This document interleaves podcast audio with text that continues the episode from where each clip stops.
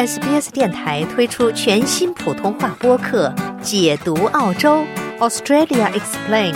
在这里，你可以轻松欢快的了解有关澳洲的有趣知识。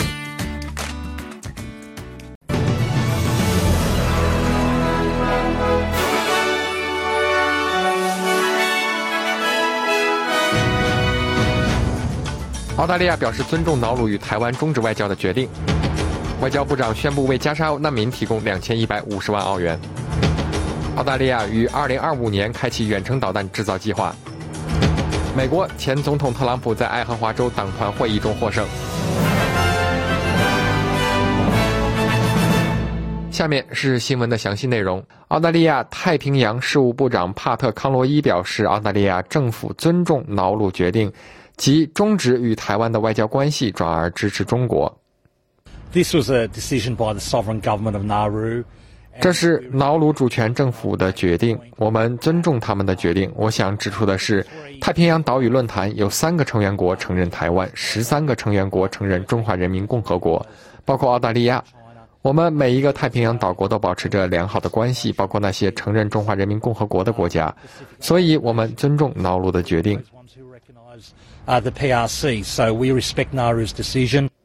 在此之前，瑙鲁政府发表声明称，他将切断与台湾的关系，并寻求恢复与中国的关系。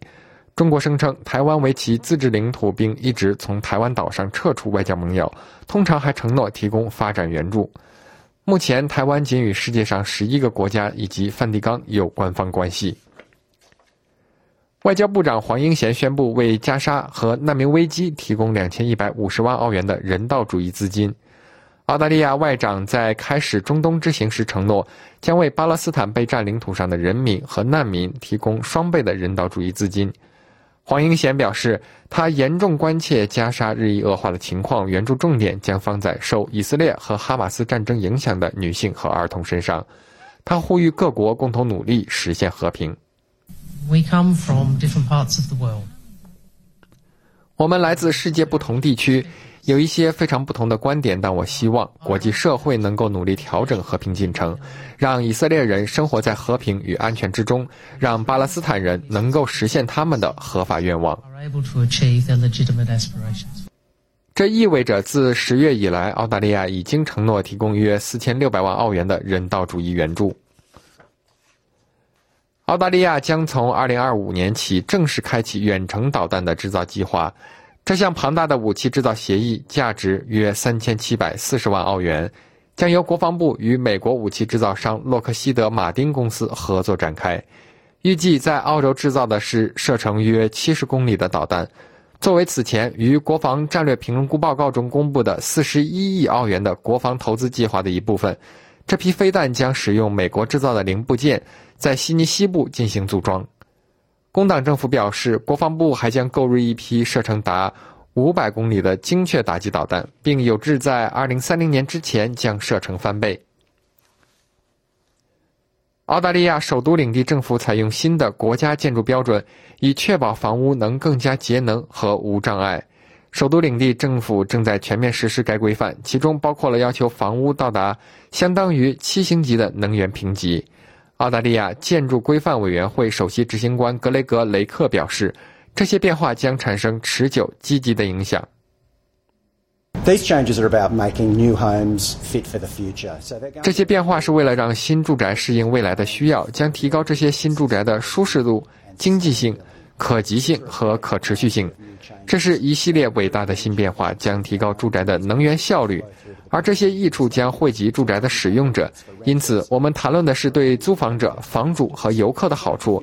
这是我们能够非常直接的为家庭预算提供援助的少数领域之一。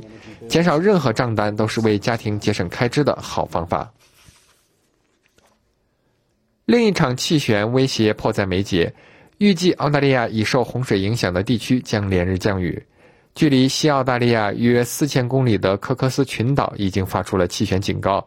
预计安格雷克将于本周进入澳大利亚水域，澳大利亚海岸也可能受到影响。预计一个气旋将在昆士兰最北部登陆，该地区仍在从十二月贾斯珀气旋造成的创纪录的洪灾中恢复，潜在的降雨可能会阻碍灾后重建。维州护理人员威胁要采取工业行动，以争取更好的薪酬和工作条件。维多利亚州救护车工会 VAU 证实，其超过百分之八十六的会员投票反对维多利亚州州救护车协会提出的企业谈判协议。该协议于十二月底提交给救护人员，内容包括工资增长百分之三，以及在协议期每年结束时一次性支付一千八百澳元。工会还要求减少辅助医务人员的病假和加班时间，并减少差旅津贴。工会要求改善下班的管理安排，以便辅助医务人员能够按时下班。西澳大利亚州州立图书馆设立了一项新的无预约服务，旨在帮助原住民社区成员了解他们的家族历史。西澳州政府组织西澳原住民历史自1997年开始运作以来，现在可以查阅1886年至1972年期间的记录。社区教育官员凯利说：“该项目为社区成员提供了获取信息的知识和重要的途径。他们仍在受殖民遗留问题的影响。It's it's really rewarding, um, to see. 看到人们了解自己家族所不知道的事情，并真正填补了由于过去发生的迁徙或其他事情而可能存在的空白，这真的很有意义。”您正在收听的是 SBS 中文普通话节目。听众朋友们，欢迎回来，让我们关注更多新闻内容。根据维多利亚州法律，第一个因行纳粹礼而被起诉的人将面临长达一年的监禁。二零二三年十月，二十四岁的雅各布·赫桑特根据禁止维多利亚州人在公共场合表演或展示纳粹标志和手势的州法律而受到指控。赫桑特因袭击一群丛林徒步旅行者而被判处服刑。他被指控在墨尔本郡法院外故意实行纳粹礼。联邦政府随后实施了类似的立法，在全国范围内禁止展示纳粹标志和行纳粹礼。赫桑特在墨尔本地方法院为自己辩护，他要求休庭，以便有时间再次申请法律援助资金，聘请律师。数据显示，墨尔本是澳大利亚公立学校教育费用的最昂贵的城市。研究显示，对于墨尔本的学生来说，从2024年入读公立学校的孩子，13年的学费超过了10万8千澳元。虽然学费仅占公立学校费用的4%，但剩余的费用考虑到与教育相关的所有其他费用，如学习用品、郊游、电子设备和课外活动等。在十三年的教育过程中，大城市地区的教会学校费用为十九万五千零七十四澳元，而非大都会地区的学校费用则略低于十七万三千澳元。堪培拉是澳大利亚教会学校费用最昂贵的城市，为二十万八千八百七十一澳元，比前一年增加了一万一千多澳元。国际方面。由于也门胡塞武装分子继续袭击苏伊士运河重要航道上的船只，石油巨头壳牌公司已经暂停了红海业务。此前，英国和美国的战机、舰艇和潜艇也在也门各地发动了数十次的袭击，以报复胡塞武装数月以来对红海航运的袭击。前 CIA 行动人员罗伯特·贝尔告诉九号台，由于航运中断，汽油价格可能会上涨。他说。他认为胡塞武装的攻击几乎不会停止，包括最近美国和英国对也门的攻击。I don't think they're going to work. I just don't see it. The Saudis have been. 我不认为他们会奏效。沙特已经轰炸也门多年，但对他们的反击能力没有任何影响。他们很多导弹都在地下，他们可以随意打击这些船只。如果局势升级，我不知道要怎样才能结束这种局面，除非真的把靶子放在地面上，但这并不可取。美国气候问题特使约翰·克里收回了他即将离开拜登政府的声明，在表示将来未来几周内辞职后，克里在达沃斯世界经济论坛上告诉商界领袖，他实际上并不会退休。克里表示，他将改变工作的重心。I am not retiring for 各位，我不会退休。我想明确这一点。我正在将我的努力转向我认为在美国大选年最能发挥其作用的地方。面对这样一个事实，即国会显然不会像我们大家想象的那样，也不会像我们需要的那样抓住这个接力棒。所以，我真的想把我的精力放在那里，把事情做好。克里是前民主党参议员和奥巴马政府时期的国务卿，在乔拜登当选后不久就被选中，担任专门应对气候变化而设立的新职务。美国前总统唐纳德·特朗普在爱荷华州党团会议中获胜，这是特朗普为连续三次获得共和党总统候选人提名而进行的长达数月的努力的第一个结果。美联社称，这场胜利之际，特朗普继续面对重大的法律挑战，这些挑战可能会使他重返白宫的努力复杂化。佛罗里达州州长罗恩·德桑蒂斯在投票中击败了前联合国大使尼基·黑利，位居第二。三十八岁的自筹资金企业家韦维克·拉马斯瓦米排名第四，完全退出了竞选。特朗普对三位候选人的努力表示祝贺。I also want to congratulate Vivek because 我也要祝贺韦维克，因为他做得非常出色。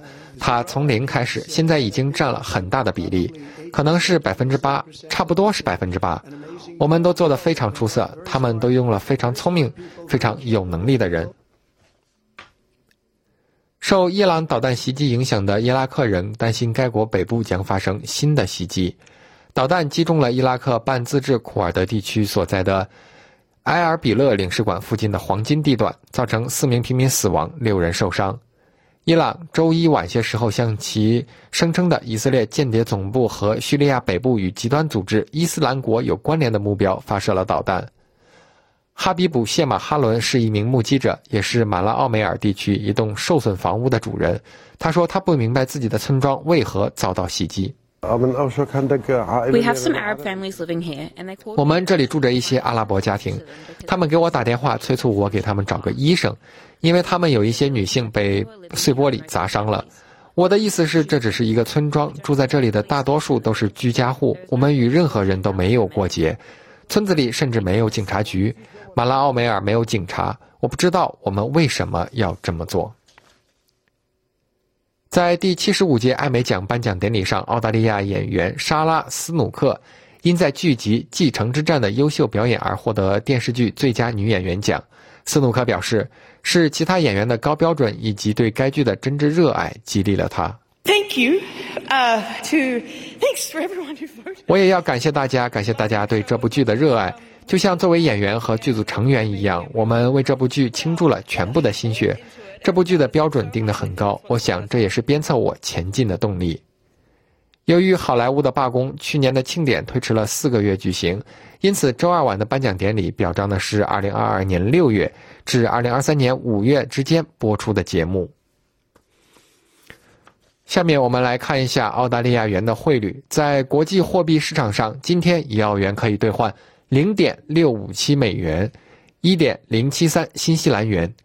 同时，今天一澳元可以兑换四点七零三元人民币，五点一四八元的港币和二十点七三六元的新台币。那么，在今天新闻节目的最后，一起来关注一下全国各主要城市的天气情况。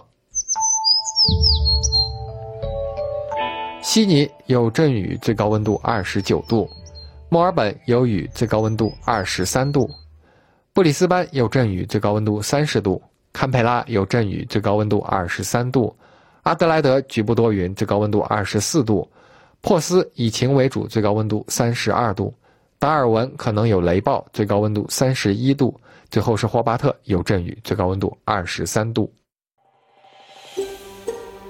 想听到更多这样的故事吗？您可以通过苹果播客、谷歌播客、Spotify 或者您喜爱的方式下载收听。